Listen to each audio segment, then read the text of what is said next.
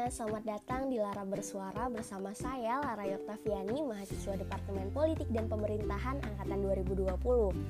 Podcast kali ini kita akan membahas sebuah jurnal yang ditulis oleh Pak Pratikno dan Mas Nanang Indra Kurniawan yaitu Struggle to Gain Representation Mixed Politics in Democratizing Indonesia.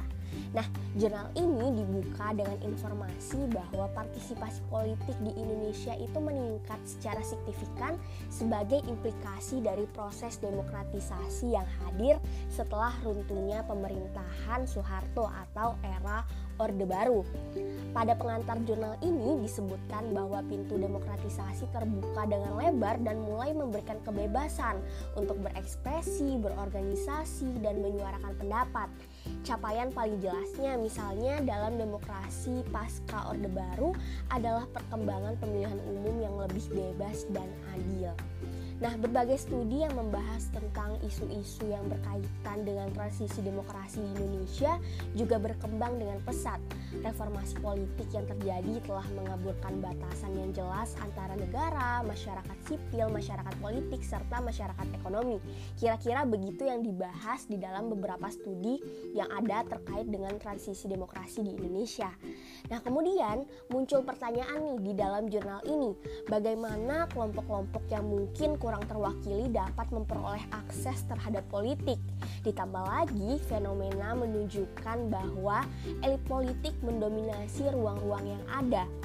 Nah, situasi seperti inilah yang kemudian memaksa berbagai pihak untuk memperluas strategi. Supaya apa? Ya supaya representasi politik mereka dapat tercapai, juga lebih luas dan lebih mendalam.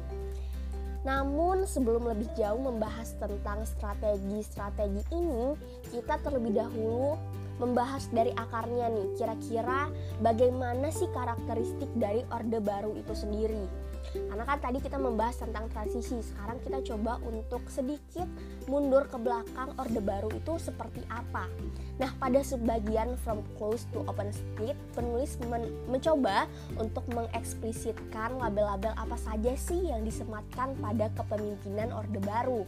Misalnya seperti birokrasi politik, otoritarianisme birokrasi, negara korporatis, dan lain sebagainya yang kemudian memberikan gambaran tentang penekanan peran negara dalam politik Indonesia yang begitu kuat di masa Orde Baru ini. Nah, setelah jatuhnya Soeharto, masyarakat politik dan masyarakat sipil pun kemudian mulai mengambil dan memainkan peran nih di dalam politik. Reformasi pun terjadi dan ada upaya kuat untuk merombak struktur kelas penguasa yang dibuktikan melalui pembentukan sistem multipartai yang sifatnya kompetitif uh, dan penerapan kebijakan desentralisasi. Namun, walaupun negara lebih terbuka dan lebih mudah diakses pada masa reformasi ini, tetap saja liberalisasi politik uh, tetap memungkinkan elit lama maupun baru untuk beradaptasi dan menangkap situasi dan prosedur baru yang ada. Jadi implikasinya jelas bahwa mereka lebih mudah mempertahankan kekuasaan mereka dan dapat mempengaruhi politik dan ekonomi. Jadi elit-elit baik itu yang baru maupun lama di dalam periode kekuasaan sebelumnya itu masih bisa bertahan nih karena mereka berhasil untuk menangkap kira-kira prosedur baru seperti apa sih yang sedang dibuat gitu. Nah, di dalam jurnal ini penulis menyebutkan bahwa Walaupun proses demokratisasi dan desentralisasi telah memberikan prosedur dan mekanisme baru untuk mencapai serta memperebutkan kekuasaan, tetap saja kelompok marginal itu tidak terlalu mendapat akses yang leluasa pada ruang-ruang publik. Hmm, nah sekarang kita akan membahas tentang cara-cara dari para aktor ini memperluas strategi untuk memperoleh atau memperoleh uh, representasi. Karena kan uh, sebagaimana yang sudah kita uh, bahas tadi bahwasannya elit-elit itu terlalu mendominasi nih. Kira-kira uh, ketika elit ini mendominasi bagaimana sih cara aktor-aktor lainnya itu memperoleh kekuasaan? Nah dalam sebagian tentang memperluas strategi politik campuran antara lembaga formal dan informal di bagian ini uh, diceritakan bahwa di banyak daerah kunci keberhasilan dari seorang kandidat untuk memenangkan pemilu itu terletak pada kemampuannya untuk mengkombinasikan lembaga formal dan informal. Dalam artian tidak hanya menggalang dukungan dari partai politik, tetapi juga menggalang dukungan dari jaringan tradisional dan primordial seperti kelompok agama, etnis, atau bahkan mafia.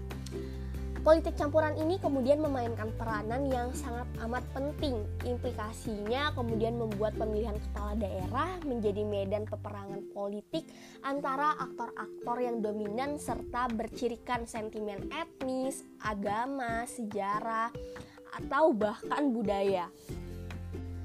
Nah, politik campuran e, antara lembaga formal dan informal ini bisa kita lihat atau misalnya penulis itu memberikan contoh bahwasannya ini tuh terlihat dengan jelas dalam peran Jawara dalam pilkada di Banten khususnya di dalam pemilihan gubernur.